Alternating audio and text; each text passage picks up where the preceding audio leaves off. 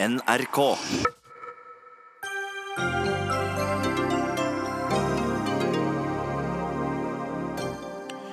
Trøbbel for sosiale mediegiganter, verdier for 1000 milliarder kroner i Facebook-aksjer forsvant på én dag.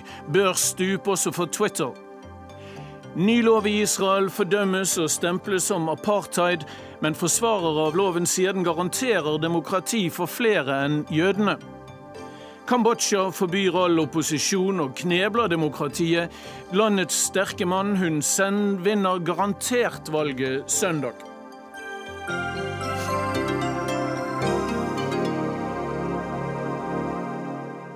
Ja, velkommen til Dagsnytt 18 med Ole Torp i studio. Vi skal også i sendingen drøfte problemene rundt Trestokkfestivalen på Hedmarken, og behandle dilemmaene omkring utepils i sommervarmen. Men først til sosiale medier. Det har vært en turbulent uke på teknologibørsen Nasdaq i New York. I går sendte investorene Facebook-aksjen ned med nesten 20% etter at selskapet viste omverdenen at de har færre nye brukere enn forventet. Nye personvernregler, datamisbruk og dårligere økonomiske utsikter for nettsamfunnet er også stikkord her. Storaksjonær oljefondet mistet milliarder i aksjeverdier i Facebook-fallet, og i dag stuper også Twitter-aksjene i verdi. Først til Anders Magnus, NRKs korrespondent i USA. Hvorfor kommer problemene for Facebook akkurat nå?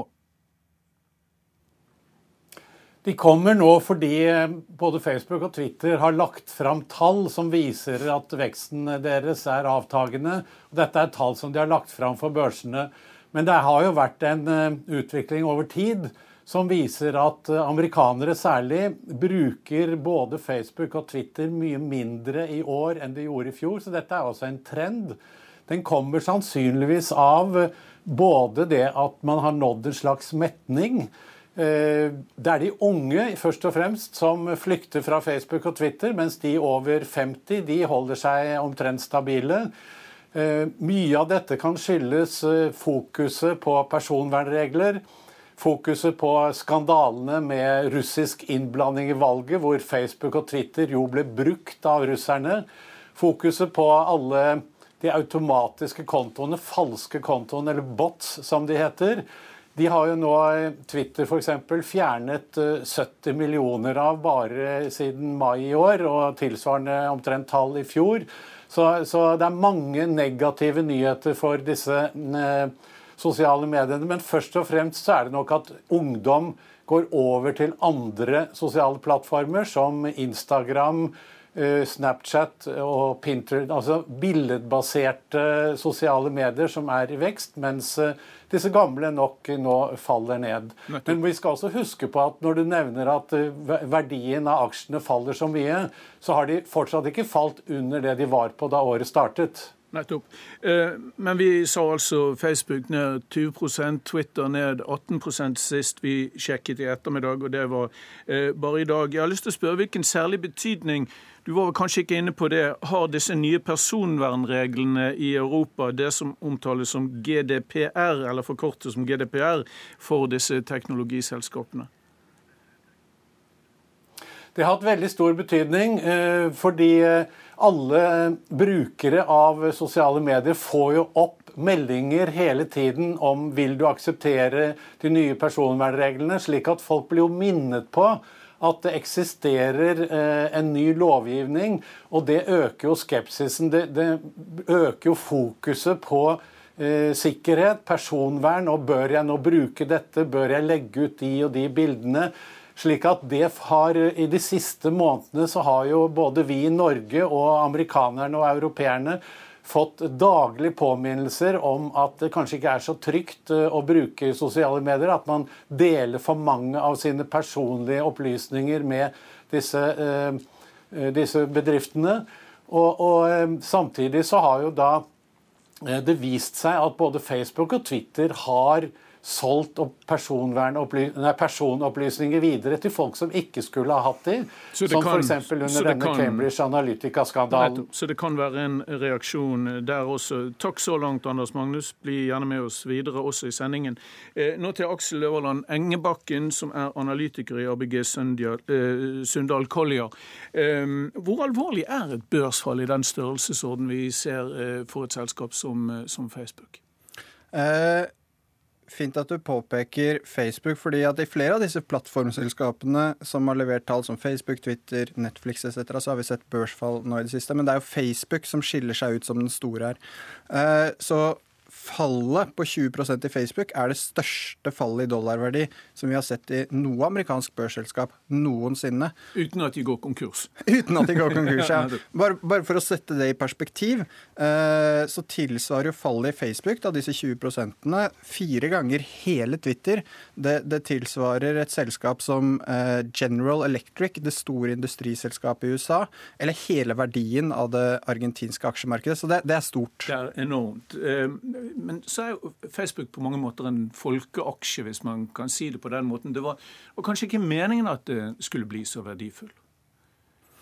Uh, ja, men, men uh, det man skal huske på med Facebook, er at de har jo en tid bak seg nå hvor de har uh, vokst fantastisk raskt. Hvis du ser tilbake til 20, 2014, så har selskapet levert ca. 50% vekst, pluss minus. Mm. kvartal ut, kvartal inn hele tiden. Og, og, og, det man ser nå, det er jo først nå at man begynner å se den vekstraten avta, og det er jo det investorene er redd for. Ja, Er det en frykt i markedet, eller er det en sunn regulering vi, vi ser nå? Ja, altså det du kan se, det du kan si da, Hvis du ser på det Facebook faktisk leverte i uh, andre kvartal, det var egentlig ganske gode tall. Og det var som ventet. Inntjeningen til selskapet var som ventet. Salget var omtrent som ventet. Men det som ikke var som ventet, det var selskapets fremtidsutsikter. Og det er jo det som gir mye av verdien til selskapet. De, hvor mye kommer de til å tjene i fremtiden? U usikkerheten om fremtiden. Ja, og, og det Facebook selv sa da, det var det at øh, veksttakten nå inn i andre halvår 2018 den kommer til å synke sekvensielt kvartal for kvartal i både tredje og fjerde kvartal med en sånn 7-9% I tillegg sa de det at vi må investere tungt i forhold til øh, områder som øh, økt datasikkerhet, nye teknologier som artificial intelligence, og det vil bringe inntjeningsmarginen ganske mye ned over Eh, de neste to-tre årene. Mm. Så lavere salg, lavere inntjeningsmargin, det gir lavere verdi på En regulering for en stund, i hvert fall. Ja. Eh, jeg vil gjerne gå til Jan Petter Sissener, som er en kjent investor og fondsforvalter i fondet Canopus.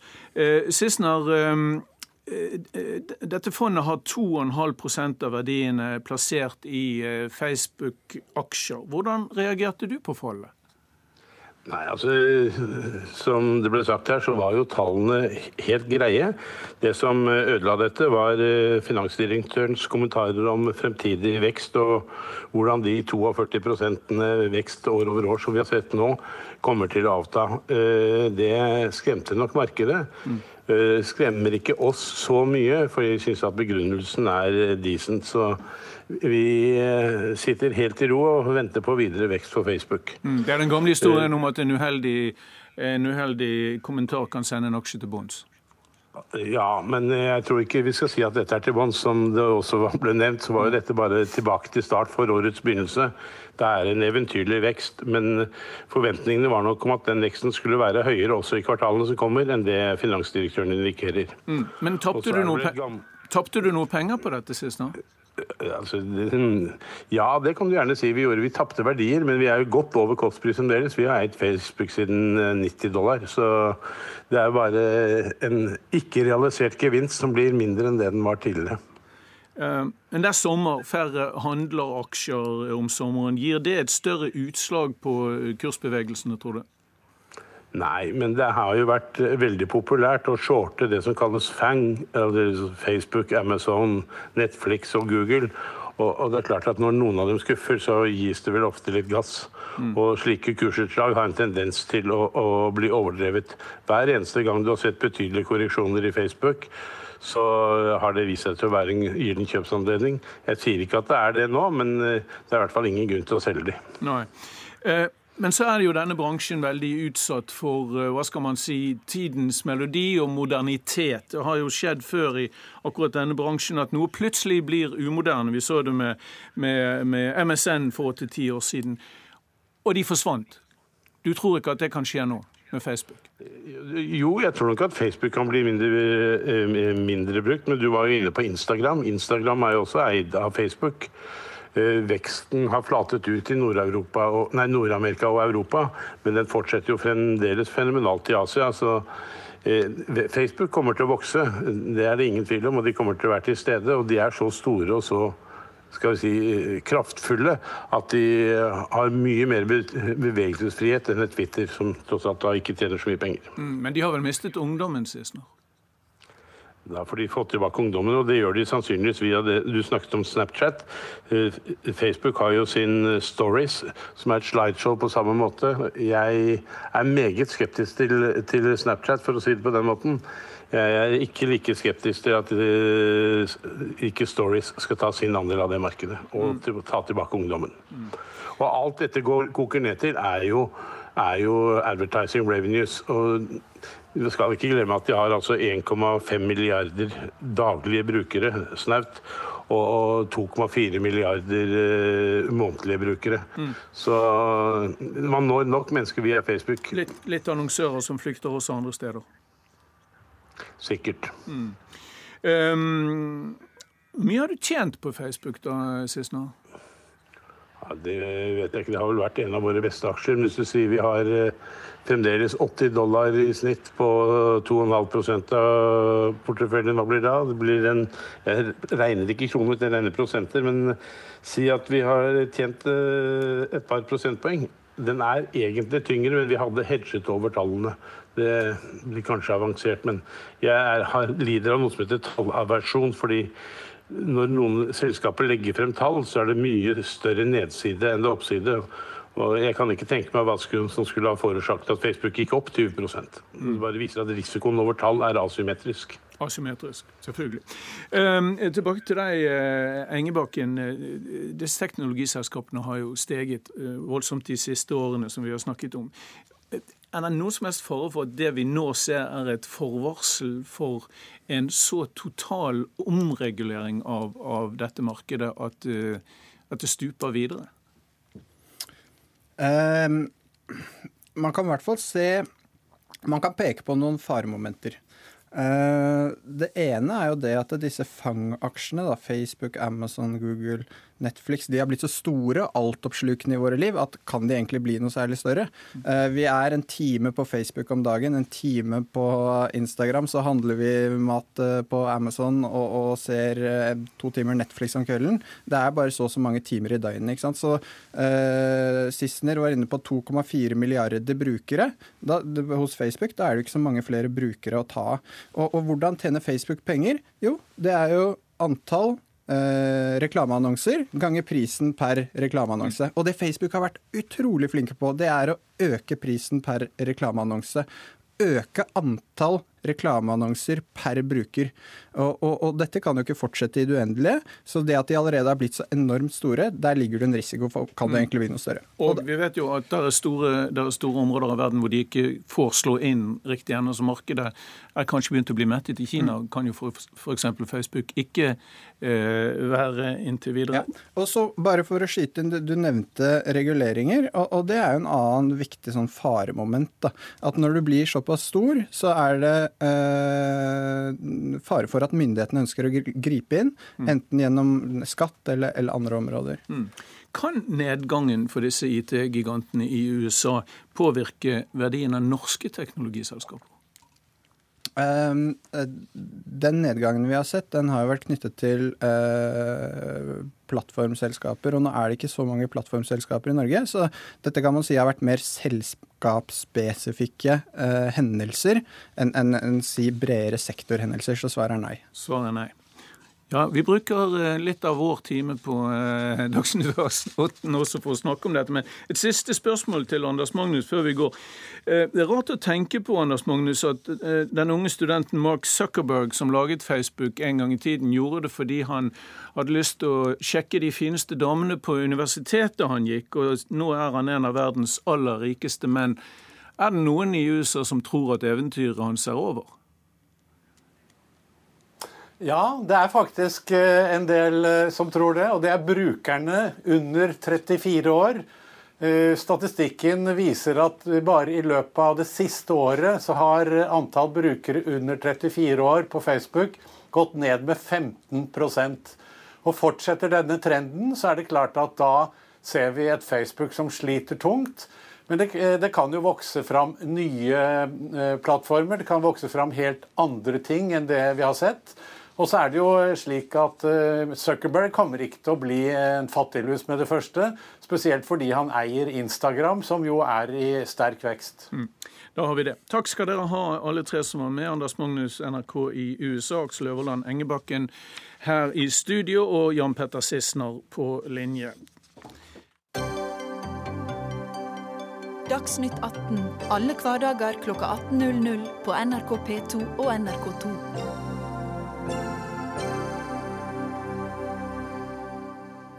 Israel er en stat for det jødiske folk, slik lyder loven som ble vedtatt i den israelske nasjonalforsamlingen Knesset sist uke. Loven slår også fast at bare jøder har selvbestemmelsesrett i landet, og, det, og den gir hebraisk status som offisielt språk. Kritikerne kaller det apartheidpolitikk, men det er feil, mener sjefredaktør i den kristelige avisen Dagen, Vebjørn Selbekk. Selbekk, hvorfor forsvarer du denne loven? Problemet med den måten som denne loven omtales på, det er at man glemmer helt sentrale historiske fakta. Altså, Jødene er verdenshistoriens mest forfulgte folk, og holocaust viste at jødene kan ikke leve på andre nasjoners nåde. Det var derfor Israel ble oppretta, nettopp for å være et nasjonalhjem for det jødiske folket. Det var også det FN ønska at Israel skulle være. Den delingsplanen som FN vedtok i 1947, og som er grunnlaget for staten Israels eksistens, den sa jo uttrykkelig at det skulle opprettes én arabisk og én jødisk stat. Den nye loven her endrer ingen verdens ting. Den gjør ikke noe annet enn å nedfelle i juridiske termer det som har vært den israelske statens grunnlag og særpreg de siste syv tiårene. Mm. Og så er det også sånn at Israel har i motsetning til sine naboland, like rettigheter, frihet og trygghet for sine eh, minoriteter, også den arabiske minoriteten, og ingenting av dette endres av den nye loven. Men det er altså slik at over 20% 21 er det vel, eh, av befolkningen i Israel er arabiske. Kan du med hånden på hjertet da si at denne loven ikke diskriminerer en minoritet ved å lovfeste at bare jødene har nasjonal selvråderett? Hvis la meg se det sånn, Ole Torp, at hvis det, hvis det, var sånn at Israel skulle handle på en slik måte at de svekker demokratiet eller menneskerettighetene, så ville jeg ha vært den første til å protestere. Det mener jeg er et ansvar som jeg har som Israel-venn. Ja, nå, nå snakker vi ikke om deg eh, nødvendigvis, Nei, vi snakker men, om Israel. Eh, jo, men altså eh, Dette svekker ikke det israelske demokratiet. Dette svekker ikke menneskerettighetene. Dette svekker ikke arabernes rettigheter. Det er ingenting i den nye loven som svekker de rettighetene som minoriteter har i Israel. Og Israel har klart det nabolandene ikke har klart. De har klart det tyrkere, arabere, persere ikke har klart. Å lage et moderne vestlig demokrati i et av de mørkeste områdene i, eh, i verden. Det får man altså ingen kred for, selv om man har både rettsstat, fri og uavhengig eh, presse, likestilling mellom kjønnene og eh, rettigheter for seksuelle minoriteter. Okay. Det, er, det er det Israel står for. Og araberne eh, eh, har fulle borgerrettigheter i Israel. Det har de hatt siden 1948, og det har de fortsatt i dag. Vi skal høre litt mer om akkurat det, og kanskje få inn et annet syn. Tora Syster Tyssen er leder i Fellesutvalget for Palestina, og er blant dem, dem som er kritiske holdt på å si, selvfølgelig til den nye loven. På hvilken måte mener dere at denne loven endrer tidligere israelsk politikk? Den endrer egentlig ikke nødvendigvis tidligere israelsk politikk. For det her er å lovfeste en praksis som har vært i israelsk politikk og i det israelske samfunnet mm. ganske lenge. Det her med at en diskriminerer på bakgrunn av opphav og religion. Men vi syns jo at det er veldig problematisk at en nå får det her inn i det som på en måte tilsvarer ei israelsk grunnlov. Ja. En grunnlov. Eh, at en får en overordna generelle vendinger som gjør at en kan juridisk innføre enda mer diskriminerende lover i Israel. Altså at andre lover med utgangspunkt i denne loven kan springer ut og Ja, altså at, at en mest på en måte støtter i det overordna rammeverket som denne nye lova eh, lager. F.eks. når det gjelder de meget omdiskuterte bosettingene på, på Vestbredden? Ja, altså det er jo eh, henvisninger til eh, bosetninger på i den nye lova. Eh, det er jo ikke en fryktelig lang lov, og den er jo skrevet i et, et rett fram språk, men det står jo bl.a. det at, at en ser det å utvikle jødiske bosetninger som en nasjonal verdi og at en vil øh, oppfordre og promotere etablering øh, og konsolidering av bosetninger. Men det handler jo ikke bare om det som Israel gjør på Vestbredda, eller det de gjør i Gaza eller i Øst-Jerusalem. Det handler jo òg om hvordan de behandler sine egne borgere, og hva det sier om hvem er det som er israelere. For det er jo faktisk en femtedel av israelerne som er palestinere, og som har som ikke faller under det her som den nye lova sier at, uh, at har selvbestemmelsesrett. Som, som, vi var inne på. Bjørn Selbekk, uh, du har jo kritisert eh, noen både aviser og organisasjoner for å enten ikke forstå eller for å demonisere denne loven. Hva er det spesielt i avisene du har reagert på? Nei, Nå har vel ikke brukt ordet demonisere, da, men eh, jeg reagerer på språkbruken eh, i en del eh, lederartikler i norske aviser. Ikke minst når man bruker ord som apartheid og rasisme. Israel er vel det landet i Midtøsten som er fjernest fra alt som har med apartheid og rasisme å gjøre. Det har man masse av i mange arabiske diktaturer.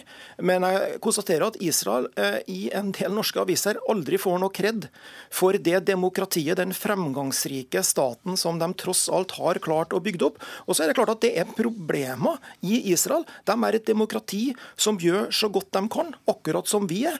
Og det mener jeg man burde ha fått mye mer kred for enn det man får. Jeg skjønner. En av de avisene som er kritisert av deg, er Fedrelandsvennen i eh, Kristiansand. Og der har vi med oss politisk redaktør Vidar Udjus. Hvordan svarer du på denne kritikken eh, fra, fra redaktør Selbekk? Nei, Han tar selvfølgelig helt feil. Og Når han tidligere sier at dette endrer ingen verdens ting, så er det jo helt åpenbart feil. Eh, hvis ikke det hadde endra noen verdens ting, så hadde dette blitt vedtatt pent og pyntelig med bredt flertall i Knesset. Det ble det ikke. Det var 62-55, en voldsom debatt. Det hadde ikke skapt debatt i jødiske miljøer verden over. Det hadde i stor grad store jødiske bevegelser har kritisert staten Israel. Og vi er mange andre også på utsida som har kritisert staten Israel. Eh, så eh, brukes ordet rasisme. Hvem har brukt det? Jo, den liberale avisen Harets på lederplass har brukt ordet rasisme. Og uh, når uh, også Selbekk sier at han skal være den første til å protestere hvis dette hadde vært noe kritikkverdig, ja, så kan han da gå inn og se hva har skjedd i den israelske regjeringa. Der har økonomiministeren Moshe Kalan han har sagt at citat, vi gjorde noe galt og vi må rette det. Citat slutt. Mm. Hvorfor? Fordi at dette i stor grad går ut over den arabiske minoriteten, og særlig de som har reagert, er særlig druserne. En liten israelvennlig arabisk minoritet i norddelen av Israel som protesterer rasende, og det fører til at eh, flere regjeringsmedlemmer nå vil endre den loven. Mm. Men det som Selbekk gjør, det er til enhver tid å dilte etter det den israelske statsministeren mener. Neida. Gjør du altså, det, Selbekk? Dilter du etter Bibi Netanyahu? Nei da. Eh, og eh, Vi hørte jo her Tora Tyssen fra Felleskomiteen for Palestina sa jo også at denne loven endrer ingenting. Så, og Når det gjelder den debatten som er i, i Israel om dette her, og også i den videre jødiske diasporaen. Det stemmer helt riktig som Udju sier, at det er en voldsom oppheta debatt om denne loven. Og, Fordi at han endrer noe? Nei, det mener jeg ikke. Men det er klart at spørsmålet om jødisk identitet det engasjerer jøder både i Israel og rundt omkring i verden. Og Etter min mening så er jo det et positivt argument for Israel, det òg. For hvor ellers i denne regionen finner man denne typen frie oppheta eh, eh, meningsutvekslinger, pressen som skriver fritt, og en demokratisk prosess på den måten. Og det finner man ikke. Og Udius, Udius, Udius, bare en utfordring til deg. Kan ikke du også en gang ta for deg i, i dine lederartikler å skrive noe positivt om det israelske demokratiet, i stedet for å skrive, bruke ord som rasisme og apartheid, som du nå gjorde denne uka? Det har vi gjort veldig ofte. Jeg kan gjerne gjøre det igjen. Israel er for det jødiske folk et levende demokrati, en region hvor demokrati dessverre ikke er utbredt. Det en enorm, eh, imponerende økonomisk eh, framgang Israel har hatt. Eh, eh, Fri presse, fantastisk opp imot andre land, som du sier, men også du som venn av Israel bør reagere når israelerne går for langt. Og de som i dag styrer Israel, det er en koalisjon bestående av nasjonalister, bosettere og ultraortodokse. Det bør venner av Israel i andre land være obs på og påpeke når de da går for langt. Ja, og det- Eh, eh, denne lederne som, som har skrevet om dette i Fedrelandsvennen, der, der skriver dere at en ny israelsk lov favoriserer det jødiske på bekostning av det demokratiske. Er det et litt, en litt rask slutning? Nei, for summen av dette er jo ganske klart at eh, det favoriserer de jødiske på bekostning av de andre folkegruppene. Og deriblant eh, araberne, som jo har bodd i Israel og vært der i hundrevis av år i regionen, og som da ble mot sin vilje inkludert i Israel da staten ble etablert innenfor den jødiske statens grenser. Og i uavhengighetserklæringen, den israelske uavhengighetserklæringen så ble det gjort et stort nummer av at Israel skal være en stat for alle, og alle skulle være likeverdige. Dette lovtillegget som kommer her, det åpner sterkt for favorisering av ett av disse folkeslagene, nemlig de jødiske, og da på bekostning av de arabiske. Kan jeg også bare spørre Selbekk veldig kort, hvor er din omsorg for de israelske kristne arabiske innbyggerne av staten Israel? Jeg har en stor omsorg for alle innbyggerne av staten Israel, og ikke minst også de kristne araberne. Og Hvis dette hadde vært noen ting som hadde svekka deres demokratiske rettigheter og deres menneskerettigheter, så skulle jeg ha protestert slik jeg har protestert mot behandlinga av Mordekai Banunu. Men, men dette endrer ingenting. og Jeg, regner med Udius, at du også kjenner til det som skjedde i 1947, da FN gikk inn og jo, delte. Selbekk, og da var det jo en jødisk stat. Unnskyld meg, dette har vi vært gjennom. Opprettelsen av staten har vi vært gjennom. Nå, nå snakker vi om dette i dag. Men la meg spørre uh, Tora Syster Tyssen igjen. For intensjonen ved hele opprettelsen av staten etter annen verdenskrig var vel, som Selbekk nå flere ganger i løpet av sendingen har påpekt, bl.a. at jødene skulle få eh, et fristed etter grusomhetene under, under krigen. Er det ikke naturlig at en slik jødisk stat også har behov for å definere seg nettopp som en, et fristed for jøder? Jo, men det her er ikke en lov som, eh, sånn som som gjør, som Selbekk skriver i sin lederartikkel, at den understreker deres jødiske identitet. Dette er jo en lov som setter opp um, eh, Som gjør palestinerne til andreklasses innbyggere, og som setter religion som det kriteriet, eller opphav som det kriteriet som, gjør, som brukes for å avgjøre hvem som skal ha fulle borgerrettigheter, og hvem er det som kan diskrimineres og undertrykkes. Og Jeg må bare kommentere det som Selbekk sa tidligere, med at, at jeg starter med å si at det her blir jo på en måte bare å lovfeste en praksis som allerede eksisterer. Det gjør ikke den eksisterende praksisen grei. Altså, en ser, det, altså, den her tanken om at Israel er et demokrati i et uh, svart hav i Midtøsten, den uh, reflekterer Det er ikke sannheten. En har klar, knallhard Hvilke andre demokratier er det du ser Nei, men altså, eh, eh, eh, det her eh, Altså, en har klare regler som diskriminerer palestinerne i Israel, som har israelsk statsborgerskap. De har ikke lov av familiegjenforening. De har ikke lov å minnes nakbaen, altså fordriving av palestinere fra eh, deres land i 1947. Selbekk har vel litt rett i at Israel ikke akkurat er omgitt av demokratiske stater? Nei, men det gjør ikke Israel til et demokrati i det. I det altså Et demokrati forutsetter like rettigheter for innbyggerne i staten, og at det er innbyggerne i staten som eier staten. Det som skjer i Israel, er jo at en ikke har like rettigheter. En har ikke det. Og at uh, en, denne nye lova lovfester jo at Israel er staten til det jødiske folket, heller enn til innbyggerne i landet. Hva med de da eh, 21% som ikke er jødiske? Eier ikke de sitt eget land? Men på den annen side det er vel ingenting i ordlyden som reduserer aktivt og uttrykt rettighetene til araberne? Eh, nå er det sånn Eller at ei, ei lov det handler jo like mye om hva som ikke står der, som Ja. hva som faktisk står der. Den eneste referansen til det som blir kalla ikke-jøder i denne lova her, er at eh, en kan få lov å ha eh, hviledag og måte, religiøse helligdager. Eh, at det ikke trenger å, ligge opp til de jødiske hviledagene og helligdagene, og at det her vil bli eh, bestemt i, nærere i lov. Det er den eneste referansen en har. Samtidig så ser en at en tar det arabiske språket og tar vekk dens eh, status som det offisielle språket i landet. Hvorfor skulle en jo altså, Men samtidig som en skal liksom si at, at det her eh, ikke endrer statusen arabisk har i Israel. Men hva skal være grunnen til å endre denne statusen dersom eh, en ikke vil endre statusen?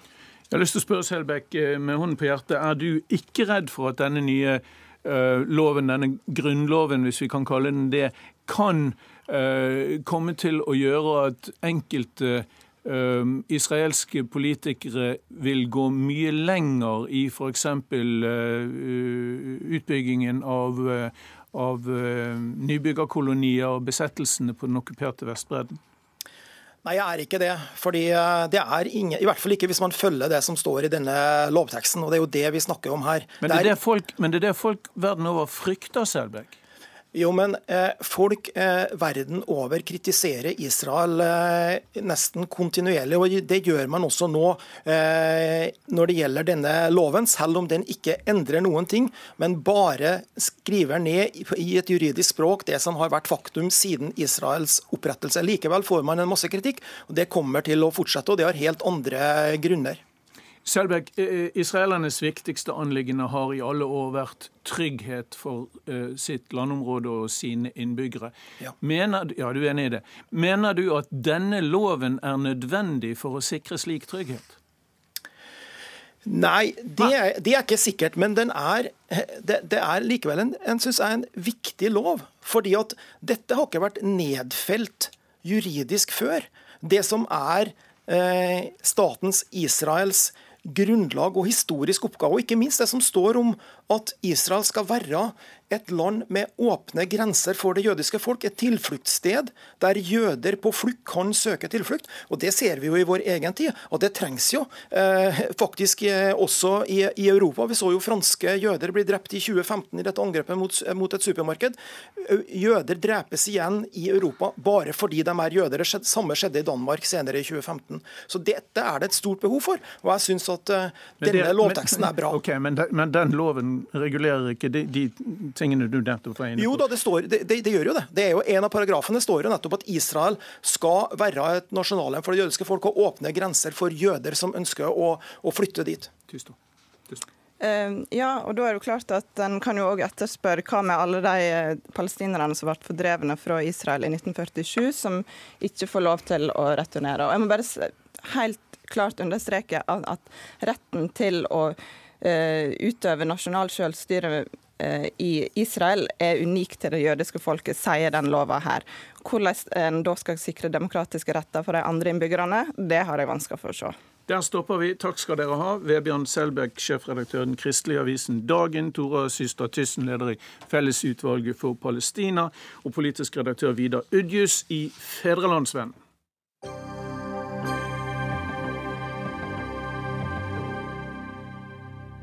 Så er vi midt i festivalsesongen denne sommeren i Norge, men det er ikke like god stemning overalt. Nå er det Trestokkfestivalen som får kritikk etter at den kunngjorde at de vil gi bort gratis billetter.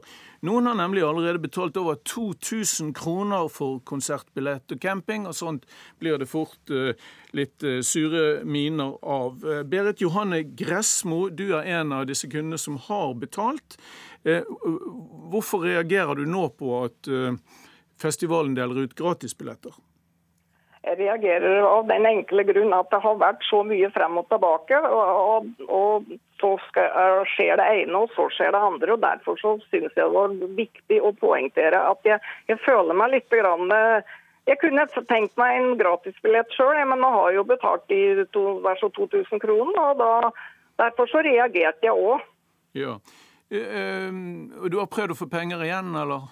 Nei, jeg har ikke tenkt å prøve å få tilbake penger igjen i det hele tatt. For det var ikke derfor jeg gikk det, men det var gjennomføringa som jeg satte et spørsmålstegn med. Jeg har ikke tenkt å få tilbake fem øre, for jeg greier meg veldig bra foruten de pengene. Ja, så det var ikke det, men det er gjennomføringa og det, det, som er blitt sagt og det som er blitt gjort, som jeg har faktisk irritert meg over. Okay. Du, hvor nøyaktig, for, for de eh, av våre lyttere som ikke er veldig lokalkjent, hvor nøyaktig ligger Trestokkfestivalen?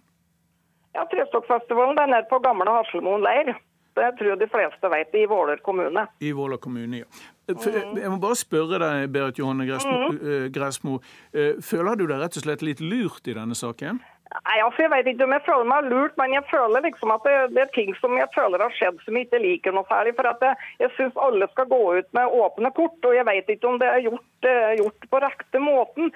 Og Jeg syns det er supert at de gir penger til brannvesenet, absolutt. Men det har vel kanskje noe med det økonomiske aspekt, aspekt å gjøre òg, vil jeg anta. Mm, vi skal finne ut av dette med å gi penger til brannvesenet, men vi skal sortere ut dette på, på, ordentlig måte nå. For vi har en av arrangørene også med oss på, på tråden. Mm. Lars Håkon Blodstrupmoen, som er festivalarrangør og daglig leder i selskapet bak. Eh, for jeg bare spørre deg, Blodstrupmoen, eh, hvor mange billetter har dere solgt til Trestokkfestivalen? Nei, Nå har vi fått ut ca. 3000 billetter, og fortsetter i det tempoet her, så er vi ja, fullt vekk 10 000 eh, stykker neste fredag. Ja, Men hvor mange har dere solgt, og hvor mange har dere gitt vekk? Eh, cirka vi har solgt er ca. 700 billetter. Så de 700 som har betalt 2000 eh, kroner eller noe sånt, hvis de også har kjøpt sånn campingpass, forstår jeg, eller weekendpass, de, de må altså på festival sammen med folk som går dit aldeles gratis? Eh, det kan du eh, godt si. Eh, men for det første så må vi rydde opp litt i det. Hun har betalt 1590 kroner for passet. Vi prøver å få mennesker til å reagere og prøver å få faktisk folk, folk til å kjøpe. Og Da må man gjøre et eller annet. Og Da gjør man en liten kampanje for å sette ned prisen, for å få fart på et marked. Ja, Men det er forskjell på å sette ned prisen ja, ja, og gi ja, vekk billetten. Vi er inne, inne, på det viktigste nå. Eh, og Da satte vi ned prisen til 1000 kroner for helgepasset over en veldig begrensa periode for å få fart på markedet. Men, Alle de da som hadde betalt 1590 de sa vi at vet hva, dere er de mest troverdige kundene våre. Tusen takk for at dere hjelper oss. Dere får 590 kroner igjen når dere kommer, som dere kan bruke her inne hos oss. Mm. Og Det har vi gitt også til Gressmo. 500 eh, kroner av de 2000 kronene er noe som alle også nå må betale. Det er for campen. Mm. Og så får hun gratis uh, sånn VIP-treatment, ikke sant? Og så får hun eget toalett, og er det sånne ting ute og går? ja, de får et eget område, og det er inne på artistene sitt område. Uh, og det er ganske eksklusivt, det vi egentlig setter i stand der. Det er for de som har, uh, har, har betalt for De som har vært ivrige og kjøpt billetter tidlig, de, de, får være inne der med eget toalett og egne bord. Men du skjønner at folk som har betalt, kanskje føler seg lurt når resten av billettene går gratis? Jeg om de føler seg lurt, det kan ikke jeg føle noe på. Nei, det, Men det burde du kanskje, ettersom noen av kundene dine sier det? Eh, ja, jeg, jeg har registrert det, og jeg syns det er egentlig veldig leit. Det vi eh, klarer å gjøre nå, er å løfte enda flere mennesker inn til Våler i Hedmark. Eh, mennesker som kommer fra hele landet, som da får lov å oppleve hvor fint det er i det området som vi har festivalen i. Mm. Uh, uh, tilbake til deg, Berit Johanne Gressmo. Uh, du får altså egen VIP-tilgang, VIP-tilgang, og der er egne bord og benker og, og, toaletter der på området. Er det et plaster på såret for deg? Ja, jeg vet ikke hva jeg skal svare på det. Det er helt greit. altså, Men de 590 kronene de har jeg i hvert fall ikke sett. Og da lurer jeg på hvor det er blitt av de. For de har jeg i hvert fall ikke fått. Eh, Gressmo, eh, der har du blitt informert opptil flere ganger at de pengene får du når du kommer på arrangementet. Og, ok. Ja. Okay. Så det er, vi er Eh, I den verden vi er i nå, det er kanskje derfor også Facebook har gått ned 100 milliarder eller 1000 milliarder, å komme ut i det informasjonssamfunnet med all informasjonen man ønsker å komme ut, er nesten helt umulig. Jeg skjønner at mange har også blitt forbanna, men jeg tror faktisk ikke alle har sett hva vi egentlig gjør. For det er jo det som er tingene her. Og når folk har lest det, så har jeg i dag mottatt 20 eh, forskjellige mail og telefoner og eh, SMS-er men folk som ber om unnskyld for at de har gått litt hardt ut. For det vi egentlig prøvde på her, det var å gå ut og gi brannmannskaper og frivillige i det ganske land som har jobba, det er heltene, og gi dem en gratis inngang. Vi har jobba nå fire mennesker i 14 dager med å få ut den informasjonen. Eh, ja, jeg er, jeg er, veldig klar Ja, jeg er klar over det, ja. Lars Håkon. Men, men, det som jeg ikke forsto, og som jeg òg vil ha fram, det er, det, det er jo Selvfølgelig er det bra at det kommer 3000 mennesker istedenfor 700 øh, som dere har solgt billetter. Ja. Og Dermed så blir det solgt masse mat og masse drikke. Ja. og Det har jo litt med det, med det, økonomiske. Du kunne kanskje ha fortalt det med en gang, så kanskje jeg ikke hadde ja. blitt som de kaller meg. Men, men, men alt, alt, alt, her uh, er informert i den pressemeldinga og de tingene vi har um, prøvd å informere godt nok om på våre Facebook-sider. Uh, som er den, den formen som vi kommuniserer på. Ehm, så vi føler at vi har vært ganske klare og tydelige der. Vi har prøvd å gå ut i media ja. og bruke media. Blodstoppmoen, det, det, er jo mange kjente artister der oppe som skal eh, spille og synge, og de skal vel ha betalt. Uh, og med tanke på at dere ikke har solgt så mange billetter, mer enn 700, blir det noen penger igjen til et sånt trestokkfond som skal gå til brannfolkene? Uh, I fjor så gikk vi 4,5 millioner i underskudd på Trestokkfestivalen, som er en ganske stor sum med penger. Uh, allikevel så fikk Kreftforeningen 60 000 ut ifra de billettinntektene vi solgte. Okay. Så vi er ganske stolte av å stå for de tingene vi gjør. Og... Siste spørsmål til deg, Blåstrup Hvor mye tjener du på festivalen? jeg har jobba gratis med det her i ett og et halvt år. Så kanskje om en, eh, ett eller to år så kanskje jeg også kan tjene penger på de tingene vi jobber med. Og, og du Berit Johanne Gressmo, gleder du deg litt til å gå på festivalen? Jeg har gleda meg hele tida. Jeg har faktisk gledet meg siden i februar, jeg, når jeg kjøpte billetter. For det er masse flott musikk, og jeg er litt over middels interessert i musikk. Så derfor så gleder jeg meg veldig. Og jeg har i hvert fall fått oppklart litt av det. Men, så vi får bare håpe at det blir en super festival. Det kommer det, folk dit, skal... selvfølgelig. Men jeg vil i hvert fall ikke høre at jeg er verken surmaga eller uh, surmaga eller gammel, gammel stur Kan jeg få si en ting? Nei, nå må vi Jeg, jeg, jeg, jeg, er redd vi må Jeg tror dere to må ta det på tomannshånd. Nei, nei nei, nei, nei, jeg tror dere må ta det på tomannshånd når dere møtes. Berit Johanne Gressmo og uh, Lars Håkon Blodstrupmoen, som begge gleder seg til Trestokkfestivalen om en uke. Takk for at dere kom til Dagsnytt 18. Hør Dagsnytt 18 når du vil. Radio NRK Radio.nrk.no.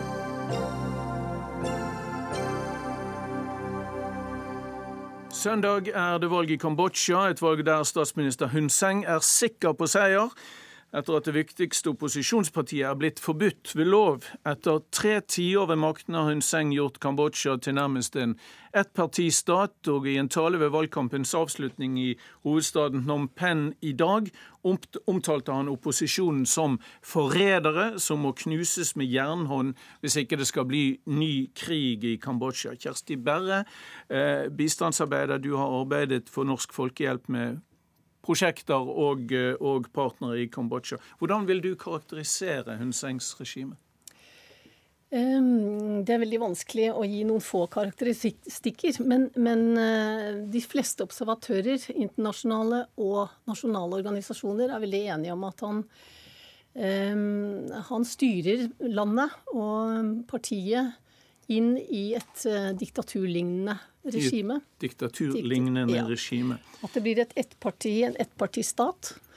Eh, som ikke tillater eh, opposisjonelle krefter, verken organisasjoner eller media, som uttrykker seg kritisk til, til regimet. Som vi var inne på. Mm. Mange observatører sier at han klarer å holde på makten fordi kambodsjanerne kom helt traumatisert ut av det beryktede morderiske Røde Khmer-regimet i sin tid. Men han har jo selv, eh, eh, Hun Seng, en fortid i denne, denne kommunistiske sekten. Hvordan kan det henge sammen?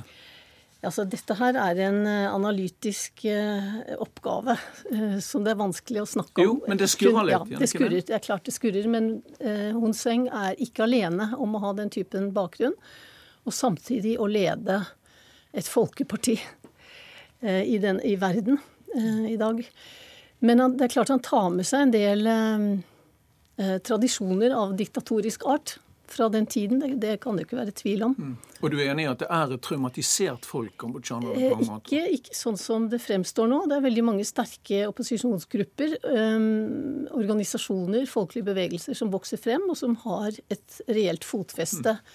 I befolkningen. Men som du var inne på, så er jo altså det samlende opposisjonspartiet, Kambodsja National Resistance mm Party oppløst ved høyesterettsdom Høyesteretts dom. Og mange opposisjonelle har enten gått under jorden, sitter i fengsel eller rett og slett rømt landet. Så det er vel, det er vel ikke helt lett å være opposisjonell i, i, i, i, Kambodsja. Jeg vet du har telefonkontakt med folk du kjenner i Phnom Penh i dag. Hva sier de om stemningen og situasjonen i hovedstaden akkurat nå? Altså, Demonstrasjonene, eller avslutningen av valgkampanjen, den er jo ikke helt over. Eh, vi har enda et par-tre timer til. Mm. Men jeg har fått høre at det er et oppmøte på gatene på ca. 400 000. Og det er veldig mye militære som er ute og eh, patruljerer og bevokter situasjonen. Men det har ikke vært uroligheter. Så langt uh, jeg har hørt. Og det har, uh, folk heller, har heller ikke f.eks. tatt ut penger fra banken. Mm. Noe som jo kan skje. Det er jo, det er et eh, paradoks her at mens det viktigste opposisjonspartiet er forbudt, så er det samtidig forbudt å boikotte valget. Mm. hvordan henger det sammen? Det henger jo egentlig ikke sammen. Fordi det, det, er jo en veldig sterk et retorisk aspekt her også. ikke sant? Altså at hun Sen eh, snakker jo veldig mye F.eks. i valget i dag, så, eller i, talen hans i dag, så var han inne på at eh, Ja, skal vi se Hvis dere med overlegg unnlater å stemme, da vil dere følge i fotsporene, som du sa, til landsforræderne, og dere vil underminere demokratiet i landet. Så han tar demokrati i sin munn hele tiden. Mm. Så Han påberoper seg eh, demokratiet. Ja, De som stemmer, vil leve i harmoni, og de som ikke stemmer, vil leve i utrygghet. Og det er på en måte en veldig sånn eh, sentral statement fra Hun Sens side. Ja. Altså han truer på en indirekte måte på en indirekte måte. Mm. Du skrev en kronikk i, i, i Dagsavisen nylig om korrupsjonen bl.a. i Kambodsja, som går hånd i hånd med Hun Sengs forsøk på å utvikle landet mm økonomisk. Men det er vel ingen tvil om at Kambodsja trenger å utvikle seg internasjonalt, eh, eller økonomisk ved hjelp av internasjonal eh, hjelp. Ja da, Nei, det er klart at Utvikling i seg selv er jo ikke noe, det er jo ikke noe galt med det. Men, men eh, den hastigheten det har skjedd, og med de virkemidlene som er brukt, så kan man sette spørsmålstegn ved f.eks. konsesjonene som er gitt for utenlandske investorer til å kjøpe opp store landområder. Og Kina er da blant de som er størst. Kina er blant de største, ja. og så er mm. Japan og Malaysia også eh, ja. sterkt inne i bildet. Mens, mens vestlige land er helt fraværende? Faktisk, eh, så vidt jeg vet, ganske fraværende, fra, fraværende. fra, den siden av, eh, mm. av han har uh, hun sittet ved makten siden 1997 i det mange oppfatter som et, et kupp.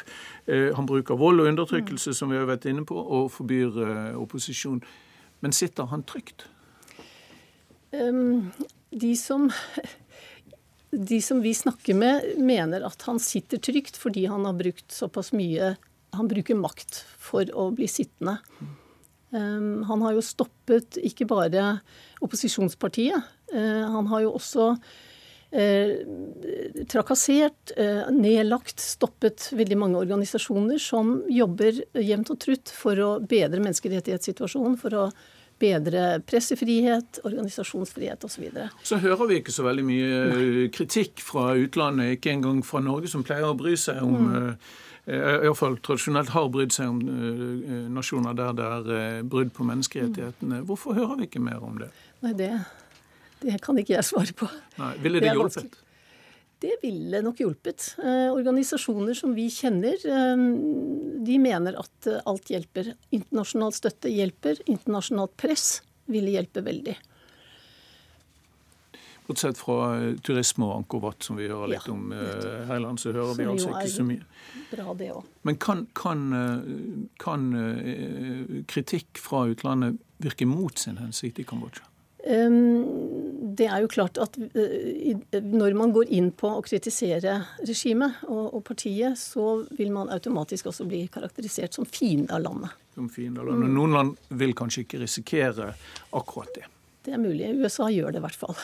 Og mange, altså EU f.eks. har mange sterke kritikere som er veldig på å kritisere regimet akkurat nå. Mm. Takk skal du ha, Kjersti Berre, for at du forklarte den kambodsjanske situasjonen for oss.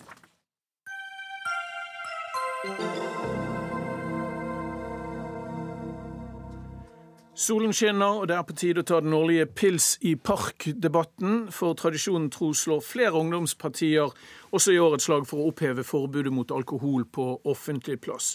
Unge Høyre, Fremskrittspartiets Ungdom og i år også Sosialistisk Ungdom sier ja til pils ute i det fri.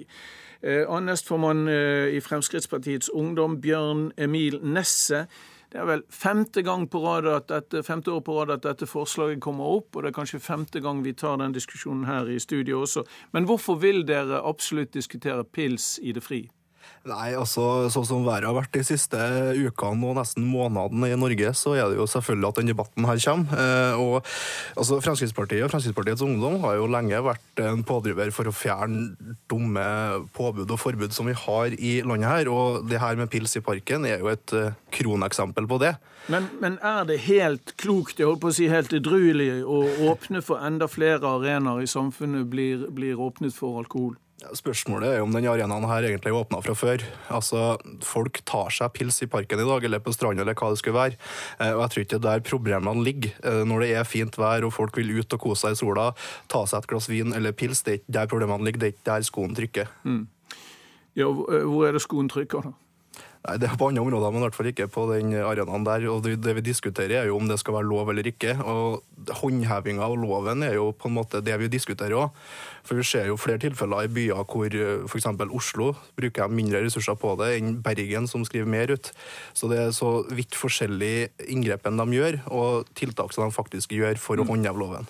Uh, landsstyremedlem i KrFU, altså Kristelig Folkepartis Ungdom, Kristoffer Stavseng. Dere er jo uh, jeg håper å si, ikke veldig overraskende imot uh, dette forslaget i år også. Hvorfor er det et problem at folk tar seg en pils eller et glass vin i parken? Altså, Jeg skjønner veldig godt at folk syns det er digg å ta seg en kald IPA når det er sol eh, og 28 grader og stemning i, eh, i Birkelunden. Men dette handler for oss om noe mer enn at det passer den enkelte. Det passer meg å ta meg et glass eh, øl eller en, et, et, glass vin. Eh, oss er opptatt av at vi må ha en alkoholpolitikk som er solidarisk, og som har retning.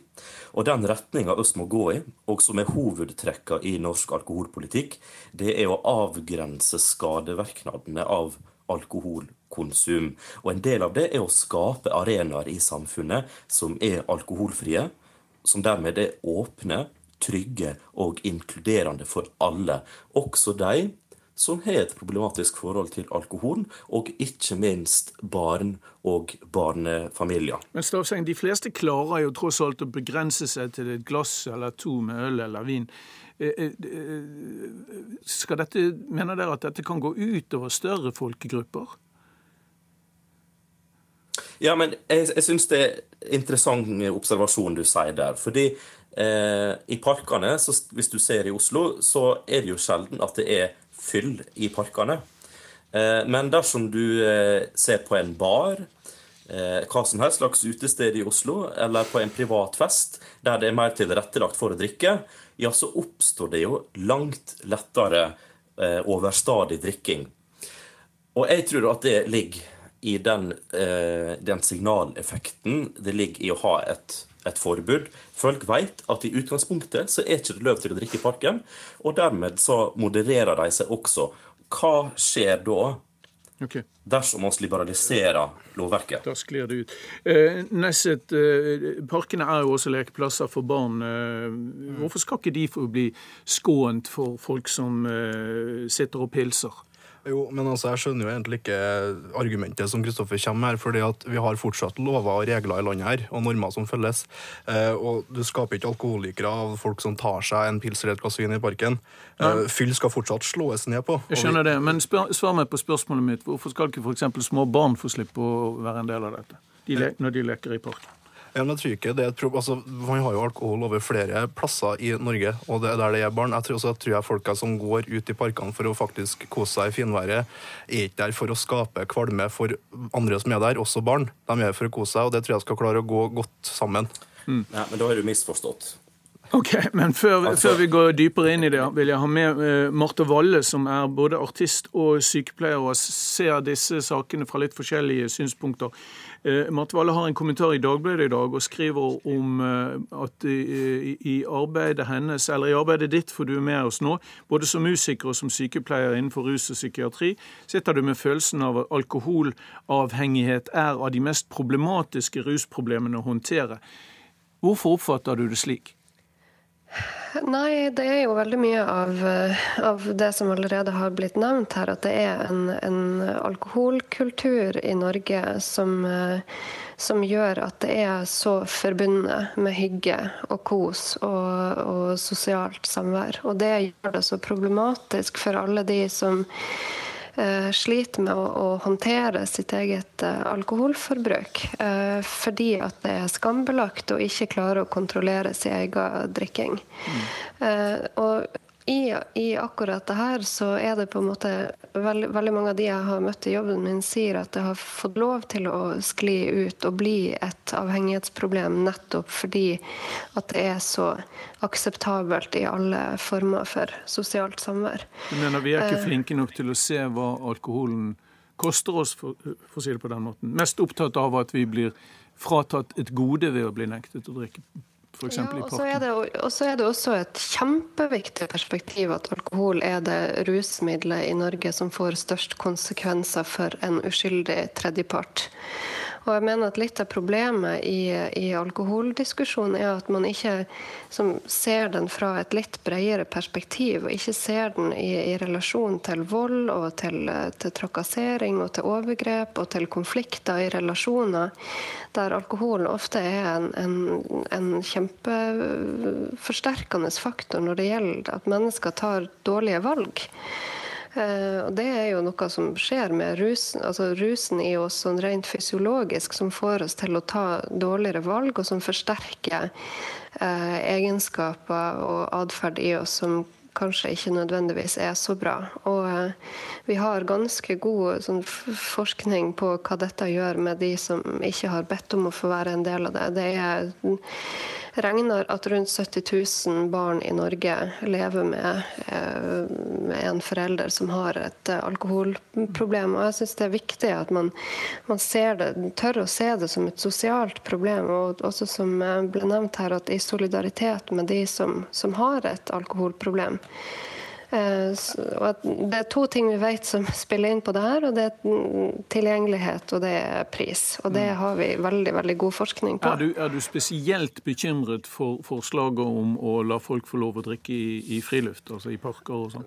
Mm, jeg hadde ikke tenkt å, å, gå inn i akkurat den debatten, men, men, jeg mener at det er viktig å, å men det er en sette Mitt poeng er at det er enda en arena, ikke sant? Ja, det er enda en arena, og det er da vil det si at det er enda en sosial arena der det punkt én blir vanskelig for de som ikke sliter med å klare å kontrollere sitt eget forbruk, og punkt to det, blir, det vil involvere flere uskyldige tredjeparter. Mm. Er dette noe du tar inn over deg, Bjørn Egil Nesset? Ja, selvfølgelig. Men altså, Valle var jo sjøl innpå det, det her med drikkekulturen i Norge. Eh, det er jo det som vi må begynne å se på. Og så er det jo sånn at De som sliter, skal selvfølgelig få hjelp til å få bukt med problemene sine, men jeg tror ikke løsninga er å gjøre alkoholholdige varer mindre tilgjengelig.